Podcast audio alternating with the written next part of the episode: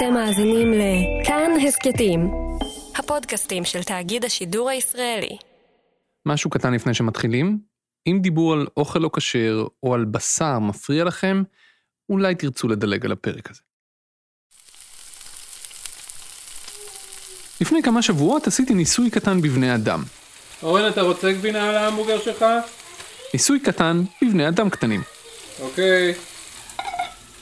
מאז שהגענו לארצות הברית לפני שנה וחצי, התחלנו לעשות בבית מין ערב המבורגרים כזה, פעם בשבוע, שבועיים. האוכל של האמריקנים כל כך גרוע, לפחות במקום שאנחנו גרים בו, שאפילו את ההמבורגרים שלהם הם לא יודעים איך לעשות. אז במקום זה, אנחנו פשוט מכינים לבד בבית. קונים בשר טחון, לחמניות, חמוצים, עגבניות, בצל. כל אחד מהילדים מצהיר איזה תוספות הוא רוצה, בייקון וצ'יז. ואבא מתחיל לטגן. רק שהפעם, הפעם החלטתי לעשות משהו מאחורי גבם של הילדים שלי. החלטתי לעבוד עליהם. אני אף פעם לא עושה את זה. בתור ילד בררן באוכל, שנאתי שנאת מוות כשאימא שלי ניסתה לרמות אותי בשביל שאוכל דברים שאני לא רוצה. ואני לא עושה את זה לילדים שלי, נקודה. אבל הפעם, בשביל הפודקאסט הזה, בשביל המדע, החלטתי שהמטרה מקדשת את האמצעים. יאללה, חברים, האוכל על השולחן. הפעם, במקום להכין להם שני המבורגרים קטנים רגילים, הכנתי להם המבורגר רגיל אחד מבשר, והמבורגר אחד מזויף. המבורגר מבשר תחליפי של ביונד מיט שקניתי בסופר. פייק המבורגר. רציתי לבדוק במבחן טעימה עיוור, מבלי שהם יודעים שהם אוכלים בשר מזויף, האם הילדים שלי ישימו לב. אני לא מבין למה אתם... אה, זה, זה סתם מתקרר ככה.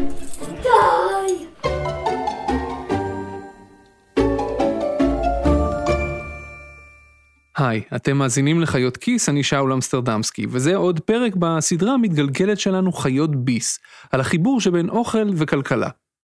בקיץ 2019 קרה משהו גדול בעולם המזון המהיר. A patty with 0 milligrams of cholesterol, 17 grams of protein, 100% Whopper, and 0% beef. We know it's impossible to believe. The Impossible Whopper, only at Burger King in St. Louis. רשת ברגר קינג הודיעה שהיא מכניסה לתפריט שלה המבורגר מזויף. לחמניה שיש בה בשר בכאילו, בשר תחליפי או איך שלא תרצו לקרוא לזה. בשר שלא עשוי מבשר, אבל נראה כמו בשר, מריח כמו בשר, מדמם כמו בשר ויש לו טעם של בשר. ההכרזה הזו הייתה רגע שיא עבור תעשיית הבשר התחליפי, שבשנה וחצי האחרונות נכנסה להילוך גבוה. זה קרה בעיקר בזכות שתי חברות אמריקאיות, שני סטארט-אפים של בשר תחליפי, Impossible Foods, שברגר קינג אימצה את הקציצה שלה, ו-Beyond Meat. שתי החברות המתחרות האלה הוקמו פחות או יותר באותו זמן, פלוס מינוס לפני עשור. בשנים הראשונות שתיהן היו בשלב המחקר והפיתוח, אין ספור שעות מעבדה בניסיונות לייצר בשר תחליפי, חברה אחת מסויה והשנייה מחלבון אפונה. בשר תחליפי שיהיה קרוב ככל האפשר לדבר האמיתי, ושגם לא יעלה הון תועפות לייצר אותו.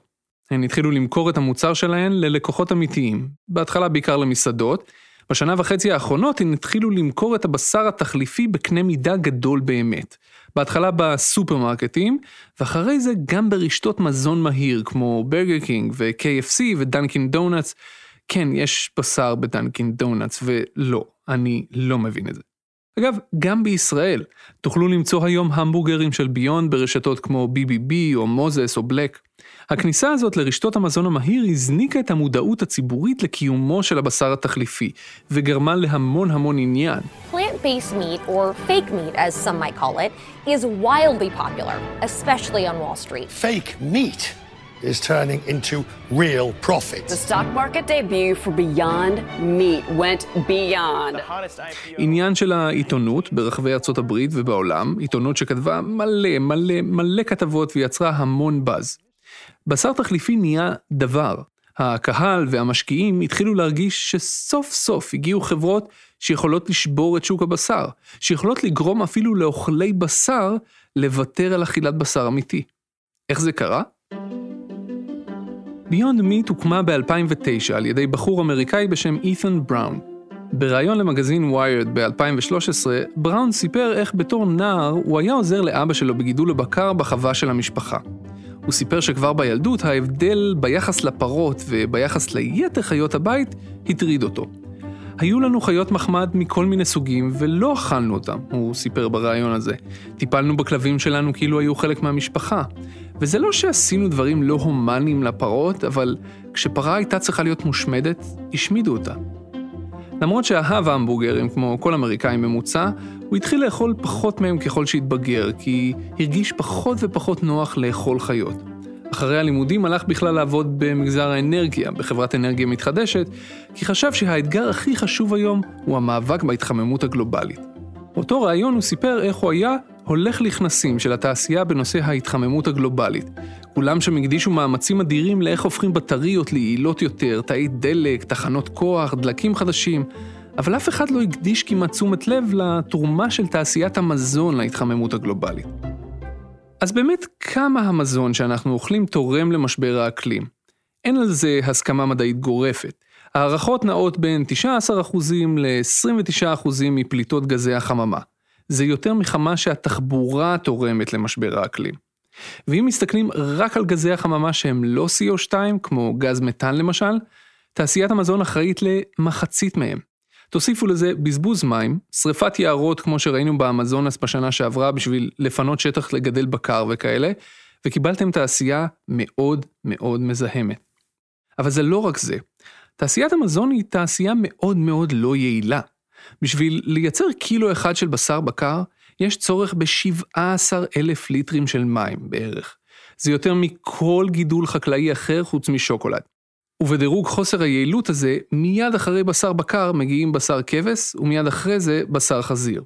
המים האלה אגב משמשים לא רק לשתייה של החיות, אלא בעיקר בשביל לגדל את האוכל שהן אוכלות, והן אוכלות המון. וזה החלק הבאמת טיפשי כאן, כי בסוף בסוף, כשאנחנו אוכלים חיה, אנחנו בעצם אוכלים את מה שהחיה הזו אכלה, כלומר, צמחים. אחרי הכל, אם המטרה היא בסופו של דבר להאכיל בני אדם מחלבונים, אז למה לעשות את זה בצורה כל כך בזבזנית? אית'ן בראון הבין שהכי טוב יהיה פשוט לחתוך את המידלמן, את המתווך מתוך התהליך הזה. הוא התחיל להשקיע במסעדות שהקטע שלהן היה תחליפי בשר. לא היו אז הרבה מקומות שעשו את זה, זה היה לפני יותר מעשור. העניין הוא שהאוכל שהן הציעו לצרכנים לא היה משהו. זה עוד היה עידן הווג'י בורגר, תחליפי בשר שהייתם צריכים להטביע אותם ברוטב בשביל לכסות על הטעם. זה לא גרם ליותר אנשים להפוך לצמחוניים. אז הוא חיפש להשקיע בחברת טכנולוגיה שמייצרת תחליפי בשר שדומים כמה שיותר לדבר האמיתי. רק שהוא לא מצא אחת כזו. אז הוא החליט להקים אותה בעצמו. ב-2009 בראון הקים את ביונד מיט בעיירה קטנה ליד לוס אנג'לס בחוף המערבי של ארצות הברית. שלוש שנים מאוחר יותר, סת גולדמן ישב בבית שלו בחוף המזרחי. בשלב הזה גולדמן כבר היה אחרי אקזיט גדול בתחום המזון. שנה לפני כן הוא מכר לקוקה קולה את חברת המשקאות שהקים בגראז' הפרטי שלו בסוף שנות ה-90, תמורת סכום לא ידוע שהפך אותו לאדם עמיד מאוד. גולדמן עצמו, אשתו ושלושת ילדיו כבר היו צמחונים. I have three sons, uh, the oldest of whom is, by the way, is an Israeli citizen. And so at the time he was 13 years old, and it was on the occasion of his bar mitzvah that he had been, in, he had become a vegetarian when he was age 10.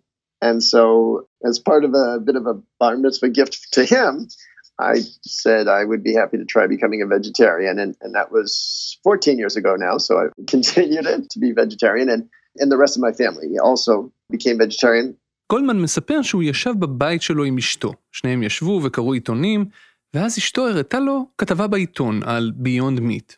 And my wife at the time said, well, if this company succeeded, it would be a great thing. הוא קרא, ונדלק, ושלח מייל. I sent an email to info at beyondmeat.com and said, I read about your plans and your goals, and I'd love to help you accomplish them. And they emailed back and said, we'd love to have your help. And I became an advisor to the company and investor and a board member, and then became executive chair of the board, I guess about three or four years ago. שמונה שנים אחר כך, ביונד מיט עצמה שווה כמעט שמונה מיליארד דולר. ושני האחוזים שגולדמן רכש מהחברה שווים בערך 160 מיליון דולר.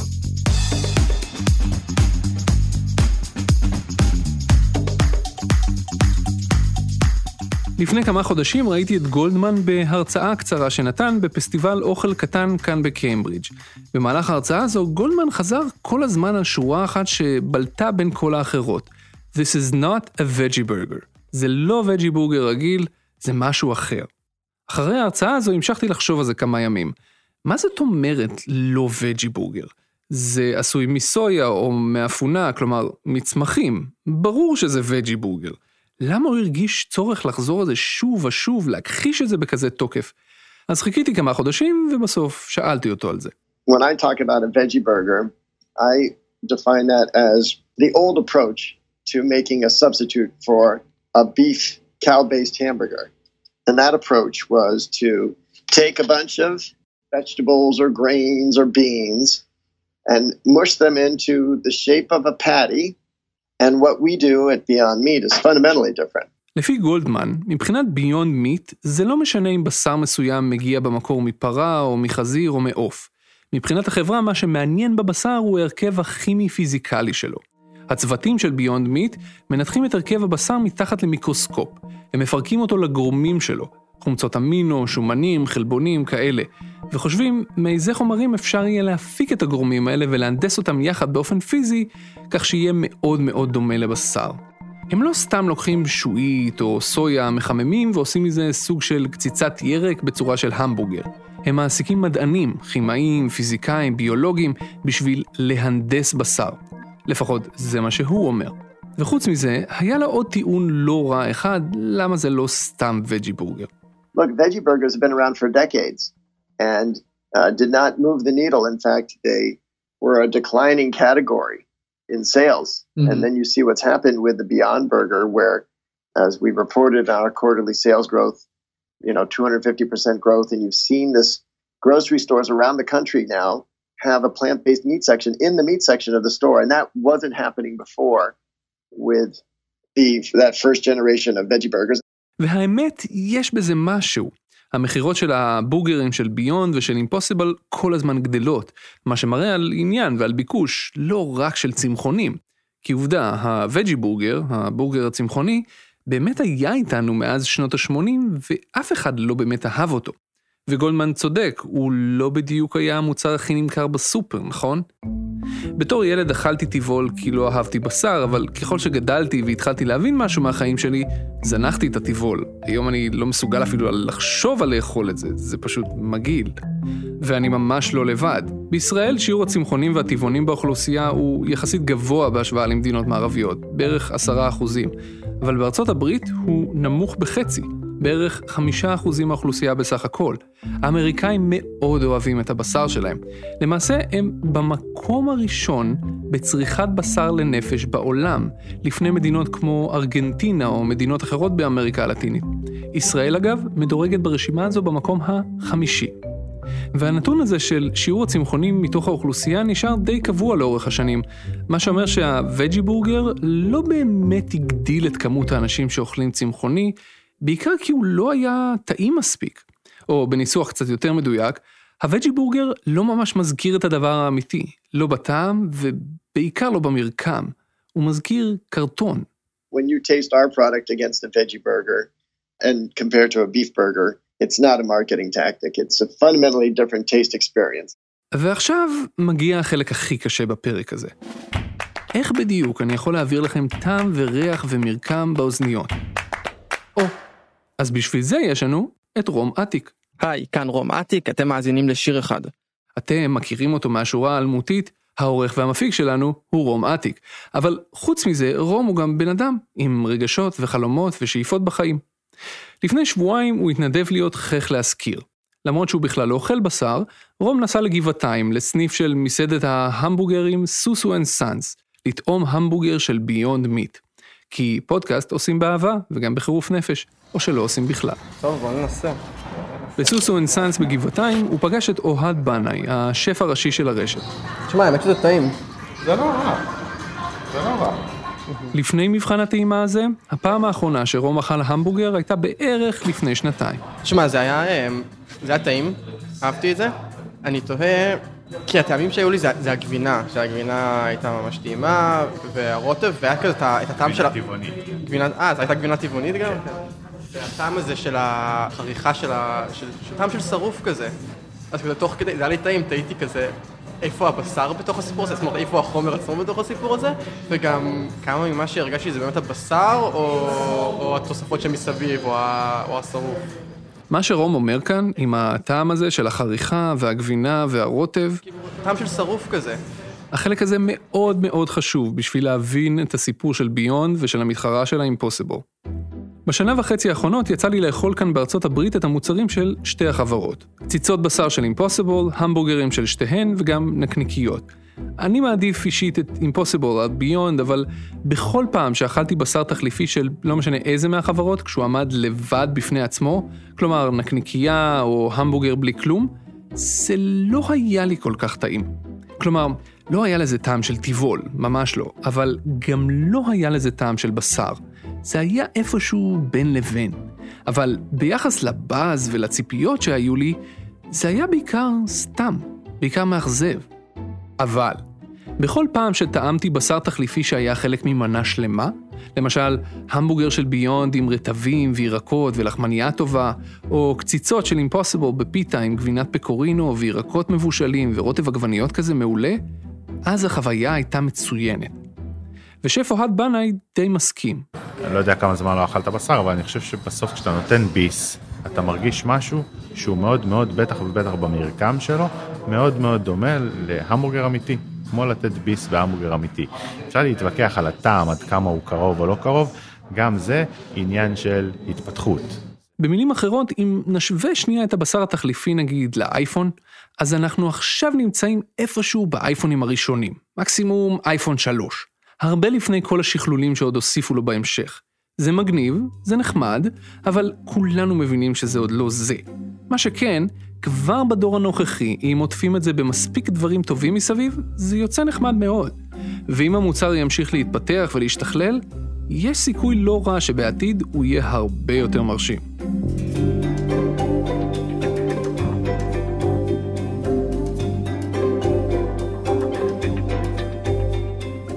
אחת הסיבות לבאז הזה סביב הבשר התחליפי היא שקהל היעד העיקרי של ביונד ואימפוסיבול הוא לא הצמחונים והטבעונים.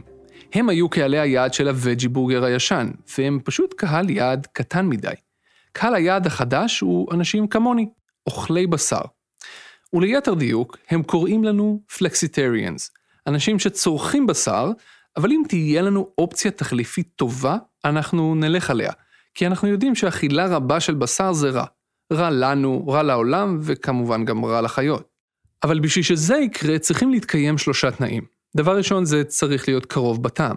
דבר שני, זה צריך להיות מזין באותה מידה, או ליתר דיוק, לא מזין באותה מידה. ודבר שלישי, זה צריך להיות פלוס מינוס באותו מחיר. שף אוהד בנאי קורא להם חצי צמחונים, ומבחינתו, בגלל שהמספר שלהם הרבה יותר גדול מהמספר של הצמחונים והטבעונים, הם כוח הקנייה האמיתי, כוח השוק האמיתי, שמזין את תעשיית הבשר התחליפי. אנשים טבעוניים ברובם, או הקהילה הטבעונית ברובה, לא בהכרח יודעת, סלש זוכרת את הטעם של בשר, ולכן העבודה איתם היא הרבה יותר קלה. אתה נותן איזשהו תחליף, התחליף הזה תופס את מקומו וזה בסדר. לאנשים, לפלקסיטריאנס או לחצי צמחוניים שבעצם עושים גם וגם, גם אוכלים בשר ו... אבל מנסים להמעיט, אתה כבר צריך לעשות איזשהו שדרוג בטעמים ו... ובמוצר שאתה נותן. אתה כבר לא יכול לתת את המוצרים שהיית נותן פעם, ופה הגיעה קפיצת המדרגה האמיתית בכל מה שקשור למוצרים טבעוניים. בשביל למשוך את האוכלוסייה הזאת, הפלקסיטריאנס, החצי צמחונים, אי אפשר למתג או לשווק את ההמבורגר של ביונד או את הבשר של אימפוסיבול בתור וג'י בורגר 2.0. אנשים כמוני לא הולכים למקפיא הצמחוני לחפש את המזון שלנו, אנחנו הולכים למקרר של הבשר. זו גם הסיבה מדוע ביונד וגם אימפוסיבול נלחמות בשביל שהמוצרים שלהן ימוקמו בסופרים בדיוק איפה שממוקם הבשר, ולא במחלקות הצמחוניות. לווג'י בורגר אין שום סקס אפיל, שום באז, הוא לא מוכר. זו גם הסיבה שבגללה הן נלחמות במגדלי הבשר, שמנסים להעביר חקיקה בכמה מדינות בארצות הברית שתמנע מהם את האפשרות בכלל להשתמש במילה בשר. בקיצור, הם משווקים את עצמם לאוכלי בשר, ובינתיים זה עובד. בתשעת החודשים הראשונים של 2019, המכירות של ביונד עמדו על 200 מיליון דולר, שזו עלייה של 250 אחוז בהשוואה לאותה תקופה בשנה הקודמת. והחברה צופה שבשנת 2019 כולה, הם יסתכמו ב-265 עד 275 מיליון דולר. ככה נראית חברה שנכנסת חזק מאוד לשוק כלשהו, שוק הבשר במקרה הזה, ומתחילה לשבש אותו. מי שרוצה לקבל המחשה של עד כמה שיבוש כזה, שינוי כזה, יכול להיות גדול, יכול להסתכל על מה שקורה בשוק מוצרי החלב ב-15 השנים האחרונות.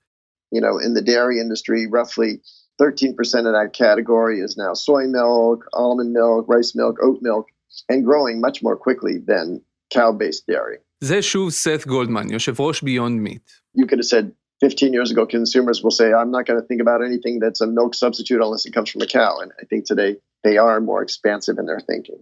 בכל רחבי המדינות המפותחות, וביתר שאת בארצות הברית, עוד ועוד צרכנים מקטינים את צריכת החלב שלהם ועוברים לחלב תחליפי. המגמה הזו היא עד כדי כך חזקה, שממש לאחרונה, יצרניות החלב האמריקאיות הגדולות ביותר בשוק התחילו לפשוט רגל. בתחילת מאי 2019 ביונד מיט הונפקה בבורסת הנסדק בארצות הברית, הבורסה של חברות הטכנולוגיה הגדולות, ובבת אחת היא הפכה להיות מסטארט-אפ פרטי שהשקיעו בו שמות נוצצים כמו ביל גייטס לחברה ציבורית, כלומר, חברה שהציבור הרחב יכול להשקיע בה. זו הייתה אחת ההנפקות המוצלחות ביותר של 2019. מיד אחרי ההנפקה, מחיר המניה זינק ולא הפסיק לעלות. ב-26 ביולי, שלושה חודשים בלבד מיום ההנפקה, מחיר המניה טיפס במצטבר ב-251 אחוזים. טירוף. ואז הכל התרסק. המניה התחילה לצלול ולא הפסיקה. ביונד מיט פרסמה עוד ועוד הודעות על שיתופי פעולה עם עוד רשתות מזון כאלה ואחרות, אבל שום דבר לא עזר. המניה צללה וצללה. היא בשום שלב לא ירדה אל מתחת למחיר ביום ההנפקה, כלומר, שמי שהשקיע בה ביום הראשון עדיין מורווח, אבל משמעותית פחות מהשיא בסוף יולי. באופן כללי, המחצית השנייה של 2019, ובאופן ספציפי החודשים אוגוסט עד נובמבר, היו חודשים איומים בבורסה לא רק לביונד מיט. המניות של עוד כמה חברות שהיו הבטחות גדולות, חברות כמו אובר, נטפליקס, סלאק, בלו אייפרן ואחרות, התחילו פתאום להתרסק. כי פתאום המשקיעים התחילו לתהות, רגע, אולי כל החברות האלה הן רק באז מוגזם? אולי כל מה שהחברות האלה מוכרות לנו הן רעיונות ישנים באריזה חדשה ונוצצת? והאמת שיש מצב שכל זה לא היה קורה בכלל, שהאוויר לא היה יוצא מהמניות האלה, לולא ישראלי אחד לא היה מגיע קרוב מדי לשמש. So the big news, of course, is not a huge surprise, but Adam Newman, the colorful founder of the company, is stepping down. אדם נוימן כבש היום את שערי העיתונים הגדולים ביותר בארצות הברית, אבל דווקא משום שאיבד את מעמדו. מייסד WeWork הודיע כי יפנה את כיסא המנכ"ל. באוגוסט 2019 קרה משהו שבכלל לא קשור לביונד מיט, לאובר או לחברות האחרות שהזכרתי לפני רגע. באוגוסט 2019 חברת WeWork, החברה שמזכירה חללי עבודה שיתופיים מגניבים כאלה עם בירה בחינם ומלא מלא תחושה של הייטק, הגישה לבורסה תשקיף לפני הנפקה. או במילים אחרות, זו הייתה הפעם הראשונה ש-WeWork נתנה למשקיעים חיצוניים להסתכל לתוך הקרביים הפיננסיים שלה. וברגע שהמשקיעים הסתכלו פנימה, הם הבינו ש-WeWork היא חברה מנופחת לחלוטין. עד לאותו רגע, כל מיני גורמים העריכו שהשווי של WeWork עומד על כמעט 50 מיליארד דולר. אבל ברגע שהתשקיף שלה היה פומבי, והתחילו להתפרסם כתבות מאוד שליליות על ההתנהלות של אדם נוימן, המייסד הישראלי של WeWork, האוויר התחיל לצאת מהבועה הזו. ולצאת, ולצאת, ולצאת. בתוך חודש, השווי של WeWork פשוט קרס לחלוטין, כמעט התאייד, עד שהגיע לפחות מעשרה מיליארד דולר. זה עדיין המון, אבל זה פחות מ-20% ממה שהיא הייתה שווה קודם, על הנייר בכל אופן. אדם נוימן סולק מהחברה, עם כמעט 2 מיליארד דולר בכיס, ו-WeWork יצא לדרך חדשה. הסיפור הזה תפס את שוק ההון ואת המשקיעים עם המכנסיים למטה. הרבה אנשים הבינו שכל הבאז הזה של WeWork וכל המילים היפות שאדם נוימן השתמש בהן במשך שנים בשביל למכור את החברה שלו, היו סתם מילים. שבסוף היום זו בסך הכל עוד חברת נדל"ן, ששוכרת שטחי משרדים לטווח ארוך, מחלקת אותם ומשכירה אותם לטווחים קצרים. לא הייטק, סתם שמייטק. ואז המשקיעים התחילו להסתכל על עוד כל מיני חברות שהסתובבו בבורסה או ליד הבורסה, חברות עם המון המון באז ומילים יפות ושווים מטורפים, שאולי בעצם עושות את אותו הדבר, מוכרות רעיונות חדשים בעטיפות נוצצות. בלי מודל עסקי ברור ובלי רווח בעתיד הנראה לעין. ובבת אחת, כל חברה שנחשדה כחברה כזו, התחילה לאבד אוויר, והמניה שלה התחילה לאבד גובה. זה היה אפקט WeWork. וזה מה שקרה לאובר, וזה אולי גם מה שקרה למניה של ביונד מיט. כי כשחושבים על זה, Plant-Based Meat הוא סתם כינוי יפה לווג'י בורגר, לטבעול. ועם כל הכבוד לטכנולוגיה, בסוף זה כן המבורגר צמחוני. הטעם שלו אמנם הרבה יותר טוב מטבעול, אבל זה עדיין לא הדבר האמיתי. וכשגולדמן אומר שבמשך שנים המכירות של וג'י בורגר לא עלו, אלא היו בירידה, והמכירות של הבשר התחליפי מזנקות, אז הוא צודק. לראיה, חברת האם של רשת ברגן קינג דיווחה במהלך 2019 שהמכירות של ההמבורגר התחליפי בסניפים שלה היו אחד ממנועי הצמיחה באותם חודשים, כלומר שזו אכן תופעה אמיתית. אבל, אפשר גם לראות את זה בדיוק הפוך. כלומר, העובדה שאנשים אכן קונים את הבשר התחליפי ומתעניינים בו, לא בהכרח נובעת מזה שהוא כזה פצצה. יכול להיות שהם רצים לקנות את הבשר התחליפי כי יצרו סביבו מספיק באז, ועוררו מספיק עניין וסקרנות. יכול להיות שהמיתוג מחדש עובד מספיק טוב בשביל להצמיח את המכירות בטווח הקצר. אבל אולי אחרי שהסקרנות הראשונית תגווע, המכירות יצנחו, ואנשים יגיעו למסקנה שזה אולי גימיק נחמד, אבל לא באמת עובד בהבטחה להיות זהה לחלוטין לדבר האמיתי?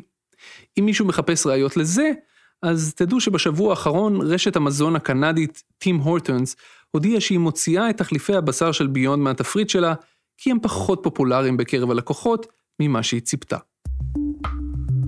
גולדמן חושב שביונד נקלעה לסערה הזו בטעות. מאחר שהוא יושב ראש החברה, חוקי רשות ניירות ערך בארצות הברית מונעים ממנו להתייחס למניה באופן ישיר, אבל יש לו טיעונים מוכנים למה הסיפור של ביונד ממש לא הולך להיות הסיפור של WeWork. דבר ראשון הוא אומר, בניגוד ל-WeWork ולאובר ולעוד המון חברות כאלה, ביונד מיט היא חברה רווחית. ברבעון השלישי של 2019 החברה עברה לרווח של 4 מיליון דולר. זה אומנם רווח זעום, אבל WeWork לא הרוויחה אפילו את זה. ודבר שני, ביונד היא כן חברת טכנולוגיה, כך הוא אומר. באמת הושקעו שנים של מחקר ופיתוח בשביל לפתח תחליף בשר שמתנהג כמו הדבר האמיתי. וכן, גם אם זה לא מושלם עדיין, זה יהיה מושלם בעתיד, כי הטכנולוגים והמדענים ממשיכים לעבוד. אלה לא רק כמה טבחים ושפים שמבשלים קציצות במטבח. The team that makes the Beyond Burger has some chefs, but it also has some scientists. People who understand physics, people who understand chemistry and biology, and the transformations that happen when different ingredients are heated and how they bond together. ויש גם איום נוסף, בשר מתורבת.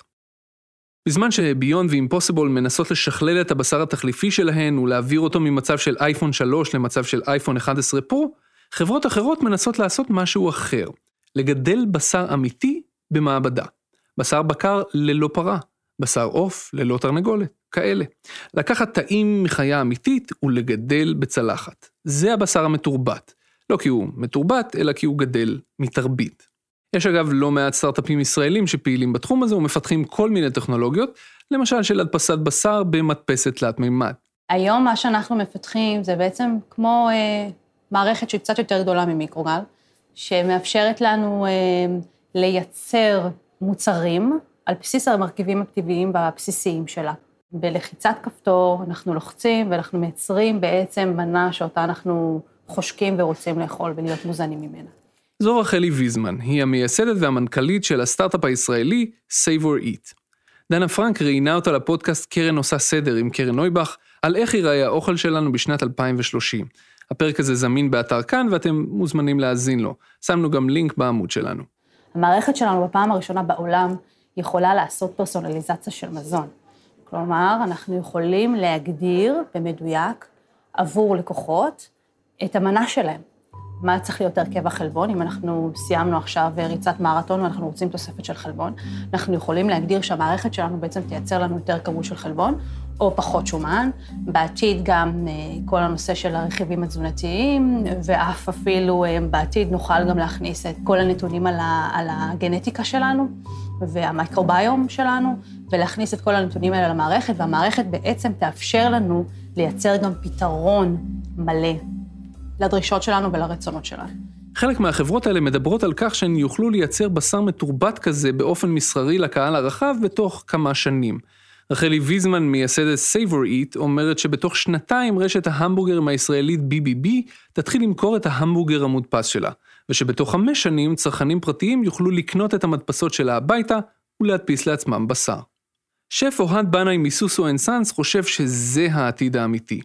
מבחינתו הבשר התחליפי של ביונד והמתחרות שלה הוא רק שלב ביניים בדרך. משהו כמו... כמו ה laser disc. זוכרים את ה laser disc? אה, לא זוכרים? זה בדיוק הטיעון של בנאי. אני חושב שזה לא מספק, בסוף זה לא רק הטעם. אנחנו נדע בעתיד לייצר בשר, מבלי לעשות את כל הנזקים שאנחנו עושים היום. גם הנזקים המוסריים וגם הנזקים האקולוגיים. הביונד הוא קרוב מאוד, היום הוא בטח הדבר הכי טוב שאפשר למצוא בשוק. אני חושב שכמו כל דבר, בעוד חמש או עשר שנים זה יתפתח קדימה וכבר יגיע לשלב הבא. ובסוף אנחנו נגיע למשהו שהוא מאוד מאוד דומה, אם לא אפילו כמעט זהה לחלוטין.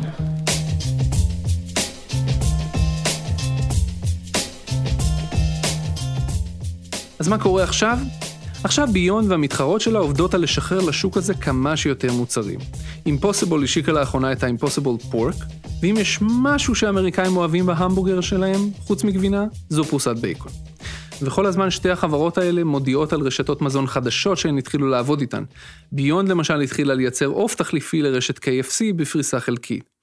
אבל האמת היא שכולם מחכים בעיקר לדבר אחד, למקדונלדס. Right, there must be something to this meatless craze because the Golden Arches McDonald's now hinting that, uh, well, it's looking at plant-based uh, Beyond Meat burgers. Uh. בספטמבר האחרון מקדונלדס הודיע שהיא מתחילה פיילוט של כמה חודשים בקנדה של המבורגר תחליפי. ההמבורגר של ביונד נכנס לתפריט של כמה עשרות מסעדות בכמה אזורים בקנדה בשביל לראות מה תגובת הצרכנים. ובמקביל, היא עורכת פיילוטים עם יצרניות נוספות של בשר תחליפי באזורים אחרים. בשביל להבין למה זה big deal בכלל, קחו כמה מספרים. מקדונלדס היא רשת המזון המהיר השנייה בגודלה בעולם. הראשונה, אגב, תאמינו או לא, היא סאבווי, שכבר עכשיו מוכרת מוצרים של ביונד. אבל מקדונלדס היא רשת ההמבורגרים הגדולה בעולם. בצפון אמריקה לבדה יש לה 14 אלף סניפים, הרבה יותר מכל רשת אחרת. בכל שנייה, מקדונלדס מוכרת 75 המבורגרים ברחבי העולם. בזמן שאמרתי את זה, היא מכרה עוד 150. לכן, כולם מחכים להחלטה הזו, כי כולם יודעים שאם מקדונלדס תחליט להיכנס לשוק הזה, זה כבר יהיה Game Changer אמיתי.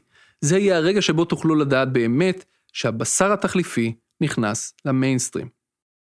כשאני שואל את גולדמן אם מבחינתם זה הגביע הקדוש, אז הוא צוחק ואומר שלא, שכל רשת מזון היא חשובה ושהם עושים פיילוט גם עם סאבווי וגם עם דניס ועוד רשתות שלא כל כך מוכרות לקהל הישראלי.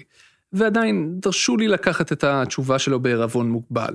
מקדונלדס היא מקדונלדס, היא המלכה של ההמבורגרים. אם היא תחליט להיכנס לשוק הזה, היא תשפיע בגדול לא רק על ביונד מיט, אלא גם על תעשיית הבשר כולה, על התנהגות הצרכנים, ובסופו של דבר גם על משבר האקלים. היא פשוט עד כדי כך ענקית. אחרי דשדוש ארוך במקום, מתחילת 2020 המניה של ביונד מיט שוב טסה למעלה. אם מחפשים, אפשר למצוא לזה כל מיני סיבות עסקיות. בתקופה הזו המתחרה של ביונד אימפוסיבל הודיעה שהיא יוצאת מהפיילוט של מקדונלדס. ובתקופה הזאת יושב ראש ביונד גולדמן רמז על כך שהחברה רוצה להיכנס לשוק הסיני. ובתקופה הזו גם רשת סטארבקס הודיעה שהיא רוצה להשקיע יותר בפיתוח מוצרים שמבוססים על בשר תחליפי. אבל האמת, אלה סתם הסברים. ההודעה של סטארבקס לא הזכירה אפילו פעם אחת את ביונד מיט, וגם ההודעה של אימפוסיבל לא אומרת שום דבר, והרצון של ביונד להיכנס לסין הוא די טריוויאלי. מה שבא ללמד אתכם שחלק גדול מהסיבה של הטיסה של המניה של ביונד כלפי מעלה, הוא משהו אחר לגמרי.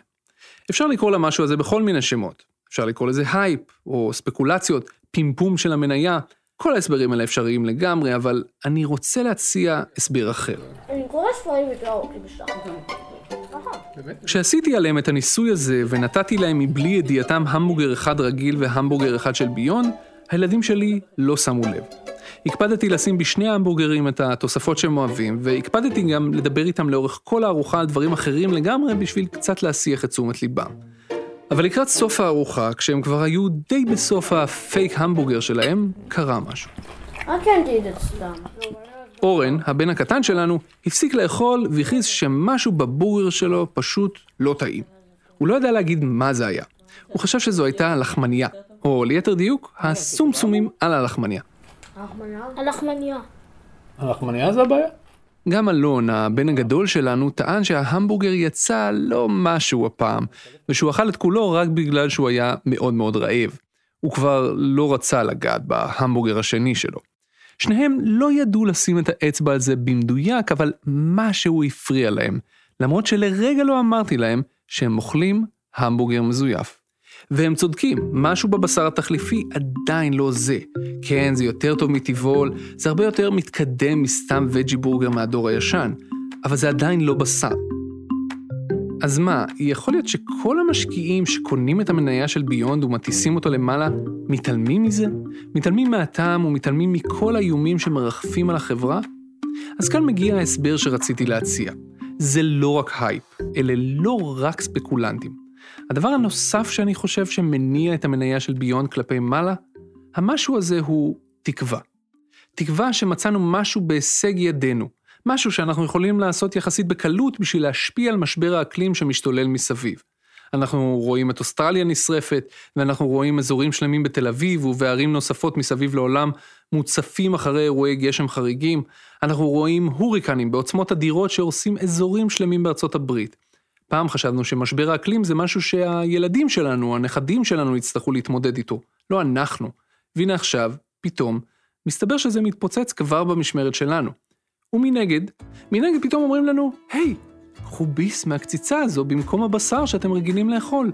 ואם תיקחו מספיק ביסים מהקציצה הזו, תוכלו לעזור לעצור את אירועי האקלים האלה.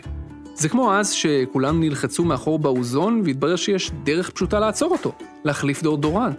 אז אותו דבר עכשיו עם בשר. פתאום יש תקווה. מה, לא תאכלו אותה? לא תשקיעו בה?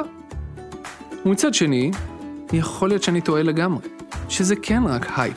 שזה כן סתם עוד veggie burger.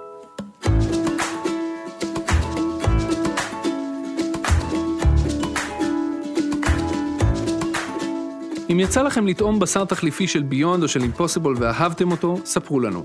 אם אכלתם את זה ואתם חושבים שזה נורא ואיום, ספרו לנו גם. בואו לקבוצת הפייסבוק שלנו, חיות כיס, וספרו לנו מה אתם חושבים על הבשר התחליפי, או על הפרק הזה, או על דברים אחרים לגמרי. אם אתם מתעניינים בקשר שבין אוכל לכלכלה, חפשו עוד פרקים בסדרה שלנו, חיות ביס. יש לנו פרק על טחינה ועל הבצל כמשל, על סופרמרקטים ועל איך הצבא האמריקני המציא את הצ'יטוס. כל הפרקים האלה, ובכלל כל הפרקים של חיות כיס, זמינים להאזנה באתר כאן, או בכל אפליקציית פודקאסטים שבא לכם. העורך והמפיק ותואם ההמבורגרים שלנו הוא רום אטיק. עורך הסאונד הוא אסף רפופורט. במערכת חיות כיס חברות גם דנה פרנק וצליל אברהם, שסייעו רבות בהכנת הפרק הזה. אני שאול אמסטרדמסקי, תודה רבה שהאזנתם.